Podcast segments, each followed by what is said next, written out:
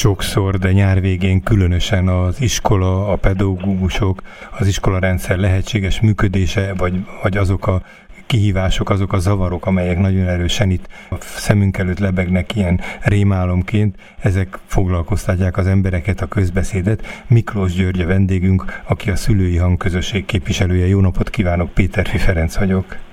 Szép napot!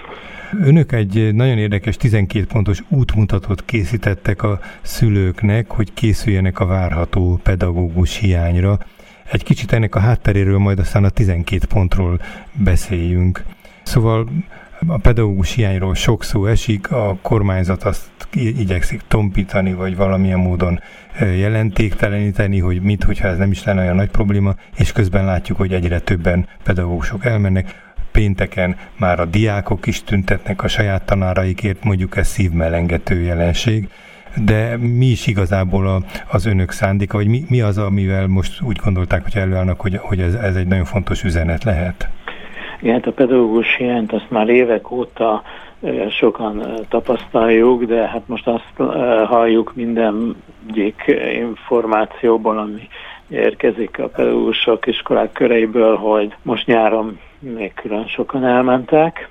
Tehát minden bizonyal a, most a szeptemberi iskola kezdéssel nagyobb pedagógus hiánya fogunk szembesülni szülőként is. Itt azt fontos tudatosítani, hogy a pedagógus hiány az az nem úgy jelentkezik, hogy mondjuk az iskola ne nyitna ki, vagy, vagy hogy ne lenne, aki bemegy a gyerekekhez. Hát azt, azt így vagy úgy azért megszokták oldani, hogy ugye valaki. Csak nem az megy be, akire éppen a legnagyobb szüksége hát lehet igen, a gyerekeknek. Tehát, hogy nagy kérdés, hogy ez a valakinek van-e megfelelő szakképzettsége, mert hát saját gyakran előfordul mostanában már, hogy a az iskola nem tud megfelelő szakos tanárokat biztosítani, tehát eh, tehát lehet, hogy...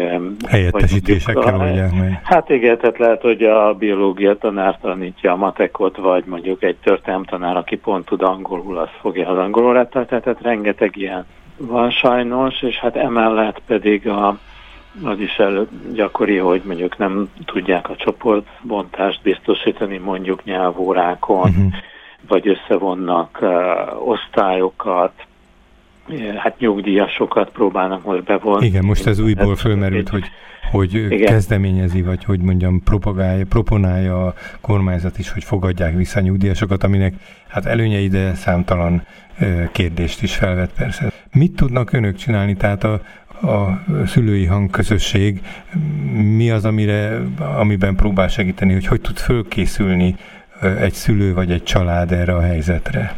Hát, hát az a rossz hír sajnos, hogy igazából szülőként nem tudjuk ezt gyorsan és jól megoldani. Tehát itt, itt amit tenni lehet, az egyrészt az, hogy hát a károkat enyhítjük, uh-huh. mennyire lehet, valamennyire megpróbáljuk pótolni azt, ami az, iskolában elmarad, a másik része pedig az érdekvédelem, hogy civilként kiálljunk az ügy érdekében, tehát hallassuk a hangunkat, mert hogyha ugye az történik, hogy szülői társadalom ugye néma marad, akkor én azt gondolom, hogy a pedagógusok ezt a küzdelmet önmaguk nem tudják megvinni, tehát hogy a szülői társadalomnak a hangja az jóval erősebb lehetne uh-huh. a kormányzat felé, hogyha valóban élnénk az érdekérvényesítés lehetőségünkkel. Ez nem nyilván, tehát itt az a helyzet, hogy ez, ezek nem tudják a problémát azonnal megoldani, de hát hogyha hosszú távon és összefogással, kitartással képviseljük az érdekünket, akkor, ta, akkor hosszú távon van reményünk, különben csak rosszabb lesz évről évre. Ön is úgy látja, hogy, hogy az a jelenség, hogy a, a diákok is már e, szembesülnek, mint egy ilyen közéleti polgár azzal, hogy valami szavuk lehet ebben a dologban, hogy ez egy, nem egy zavaros kezdeményezés, hanem ez egy nagyon fontos dolog az ő civil polgári fejlődésükben is, meg hát ennek a, hat, ennek a helyzetnek a megváltoztatásában is talán. Hát a diákok is nagyon, nagyon örvendetes, hogy már tavasszal is szerveztek tüntetést, és nagyon fontos a most péntek délutáni diák tüntetés is, és természetesen szülőként is fontos, hogy minél többen részt vegyünk, de hát mégiscsak az a helyzet, hogy hát azért főleg a középiskolás diákok azok közül is inkább azért a mondjuk 16-18 éves. Tehát a felsőbb két évfolyam, igen. Akik, akik úgy maguk tudják képviselni az, az érdekeiket, holott ugye a pedagógus hiány az, hát ugye az óvodától kezdve nagyon erős, tehát ez a legtöbb, legtöbb esetben azért arról van szó, hogy a gyerekeknek az érdekeit azt mi szülők kell, hogy képviseljük, és azt is fontos tudatosítani, hogy az, hogyha a gyereknek nincs megfelelő tanára, pedagógus, nincs az iskola vagy az ódába, az egy alapjog sérelem. Hát ugye az alaptörvény is garantálja azt, hogy a gyerekek kapják megfelelő oktatást. Tehát most, hogyha a gyerekeknek sérül ez a joguk, akkor ez, ez én azt gondolom, hogy az elsődlegesen a szülők kötelessége, hogy ezt képviseljék valamilyen módon. Azt is írják az ajánlásukban, hogy szülőként megpróbálják pótolni a pedagógus, de nagyon fontos, hogy egyáltalán a szülők összefogása megteremtődjön, tehát hogy szembesüljenek a szülők azzal, és egyáltalán a ped- az oktatás ugye az nem egy olyan kérdés, amivel csak a minisztérium, vagy csak a kormányzat, vagy csak az iskola foglalkoztat. Ez tipikusan olyan, amivel az egész társadalomnak dolga van, mindenkinek más szeletében. És hát ez nagyon jó, hogy fölébreszti valaki ezeket a szükségleteket, vagy lehetőségeket, és pláne, hogyha ezek nem kioltják egymást, mondom én most laikus, vagy hát kívülállóként, vagy szülőként, nagyszülőként, hanem csak hangosan gondolkodok erről, hanem hogyha ezek között egy szinkronitást teremthető.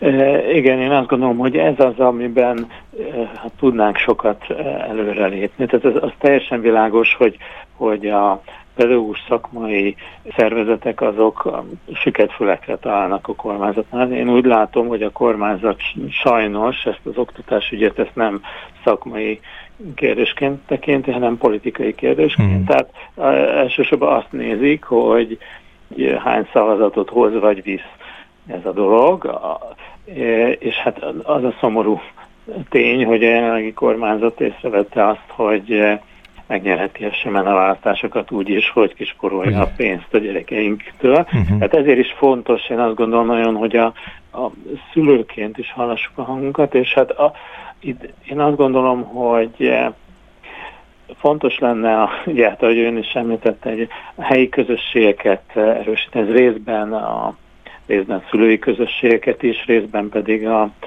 iskolák, óvodák eh, intézményében ugye a szülők és a pedagógusoknak a, az összefogását, ugye a kommunikáció. Tehát az a helyzet, hogy helyi szinten a kommunikáció az nem nagyon működik, amikor arról van szó, hogy a problémákat meg kell beszélni. Tehát a, a, mondjuk vannak szülők, akik mondjuk a sajtóból értesülnek, jól informáltak, van egy szülői réteg, amelyik pontosan tudja, hogy mi a helyzet, mi a probléma, de van azért egy elég jelentős szülői réteg, aki vagy nem tudja, vagy a jelentőségét nem látja át, mert mondjuk nem olvas kormánytól független híreket, és hogy az a helyzet, hogy, hogy a, sokan azt nem tudják, hogy az ő gyereküket tanító pedagógus milyen napi szintű problémákkal szembesül, mert hogy ez ugye helyben nem jelenik meg, ugye a szülői értekezletek erre nem alkalmasak, természetesen a pedagógusok se szeretnek panaszkodni, ez akár megalázó is lehet, én azt gondolom, az fontos előrelépés lenne, hogy a helyben meg tudnánk találni a kommunikációs formákat, például valami fajta beszélgető délután, vagy, vagy akár valamilyen informális online csoport, vagy valamilyen rendezvény kapcsán, ahol szülőpedagógusok úgy megbeszélhetik. Tehát, hogy helyi párbeszédek legyenek, arra utal, ha jól értem. Igen. Tehát Amiben én egyébként bele, beleérteném még az éppen iskolás, óvodás, bölcsödés gyerekkel nem rendelkezőket is, hogy a, a helyi társadalomnak az érdekérvényesítése erősödhetne, hogyha közösséget vállalna egy csomó lakóhelynek a közössége az iskolába járással, az iskolai ügyjel. Igen. Tehát, hogy sok mindent tudnának azok is, akiknek éppen nincs aktuálisan oda az ott, ott lévő iskolába járó gyerekük, de társadalmi probléma a közbeszédbe való bevitele, bevitelével talán. Igen, én azt gondolom, ez, ez, ez nagyon fontos lenne. Hát ezért is Ugye a szülői honlapján tettük egyrészt a 12 pontot, ahol így felsoroltuk azokat a lehetőséget, amikkel ugye az érdekérvényesítésben élhetünk, és sok ötletet is úgy megpróbáltunk így összerakni, hogy ilyen helyi csoportosulásokat, uh-huh. kezdeményezéseket, hogy, le, hogy lehet a szülőket jobban bevonni. Ez, én azt gondolom, hogy a pedagógusok itt fontos szerepe van, hogy ezt kezdeményezzék, miközben teljesen megértem azt is, hogy hát a pedagógusok irdatlanul le vannak terhelve, tehát de hát a szülők is kezdeményezhetik ezt, jó lenne, hogyha Igen. ez az öntudat így megjelenik. Csak ebből a, a 12 pontból hadd mondjam a, az első két pontot, ami nagyon izgalmas. Az egyik, hogy építsünk aktív szülői közösségeket. Most persze ön végig erről beszél, de ennek a nagyon tömör megfogalmazás azért ez nagyon izgalmas, hogy aktív szülői közösségeket építeni. Milyen fontos lenne számtalan más kérdést is, de az iskola ügyet mindenképp itt érdemes lenne. És a másik az egy ilyen praktikus lépés, amit írtak, hogy forduljunk személyesen a kormánypárti országgyűlési képviselőkhöz. Talán mindenkihez fordulhatnánk, de itt nyilván arra utalhatva, ezt kérdezve mondom, hogy, hogy hát ha ők valamilyen, hát ha beüzenhető, hát ha valami nyomásgyakorlást érzékel, és talán a saját párt csatornáin esetleg ezt képviseli. Én legalábbis erre gondoltam, amikor olvastam, ezt nem tudom, önök ezt célozták ezzel. Igen, hát itt én azt mondom, hogy az első reakció, amikor így ez felmerül, hogy hát mondjuk ugye nincs a gyerekünknek megfelelő pedagógus, menjünk el a, a, a hát kormánypárti képviselőnkhöz. Hát itt az első reakció azt szokott hogy na akkor ezzel ugye mit fogok elérni? Hát ugye ők is azért biztosan tudják. És mit, mit gondol? Én azt gondolom, hogy, hogy az a helyzet, ezzel is, mint az összes többi érdekérvényesítési módszerrel, hogy igazából egyénileg nyilván nem fog hatni, akkor hat, hogyha, hogyha ezt minél többen megtesszük. Uh-huh. Tehát, hogyha most én azt nézem, hogy ugye hány családot érint a pedagógus hiány például, hány szülő van, hát itt százezerekről, vagy le, még az is lehet, hogy milliós létszámról beszélünk, tehát ennek csak egy kis, akár a negyede ezt meg rászállna mondjuk egy-két órát, akkor én azt gondolom, hogy annak igenis lenne foganatját. Uh-huh, hát, hogyha sokan elmennénk, nem gondolom, hogy a képviselő egyből e, egyből megoldja, de azt viszont gondolom, hogyha sokan elmegyünk, akkor ezt ők is közvetítik felfele, és így eljutna a, a, a problémának a súlyosságát. Itt, itt nem, nem csak arról van szó, hogy, hogy tudjuk-e, hogy van egy ilyen probléma, és a képviselő tudja. Én, én azt gondolom, elsősorban arról van szó, hogy szülőként hozunk-e valami fajta áldozatot, valami fajta erőfeszítést teszünk. Tehát ha ezt az erőfeszítésnál e, tudjuk megmutatni, hogy hát egy órát beleteszünk ebbe az ügybe, nem egy, egy-két órát, nem egy nagy dolog, de hogy ez fontos. Igen, hogy primér, az, amit ön mond, hogy, hogy primér módon érzékelje azt, amiről olvas, meg beszélnek Igen. a párt központjából, de, de hogy ő maga is érzékelje ezt. Azért reménykedhessük, vagy reméljük azt, hogy vannak jó érzésű országgyűlési képviselők mindegyik oldalon, akiket valamilyen módon esetleg befolyásolni tud egy ilyen nyomásgyakorlás. Hát én köszönöm szépen, ajánljuk a kedves hallgatóknak, hogyha ha van kedvük, akkor nézzenek utána, ez a 12 pont, ez érdekes, és mindenképpen hát tanulságos is. Hol érhetik ezt el? Ezt a szülői hang.hu weboldalon megtalálják a szülői hangnak a honlapján. Hát reméljük, hogy, hogy valamilyen módon foganatja lesz a sokféle csatornán párhuzamosan történő érdekérvényesítésnek és, és nyomásgyakorlásnak. Az elmúlt percében Miklós György volt a vendégünk, a szülői hang közösség képviselője. Arról beszélgettünk, hogy pedagógus hiányra 12 pontos összeállításuk van a szülőknek egy útmutató, ajánljuk a kedves hallgatóknak, hogy néz, járjanak a végére ennek. Köszönöm szépen, hogy rendelkezésünkre állt. Viszontalásra. Köszönöm a lehetőséget.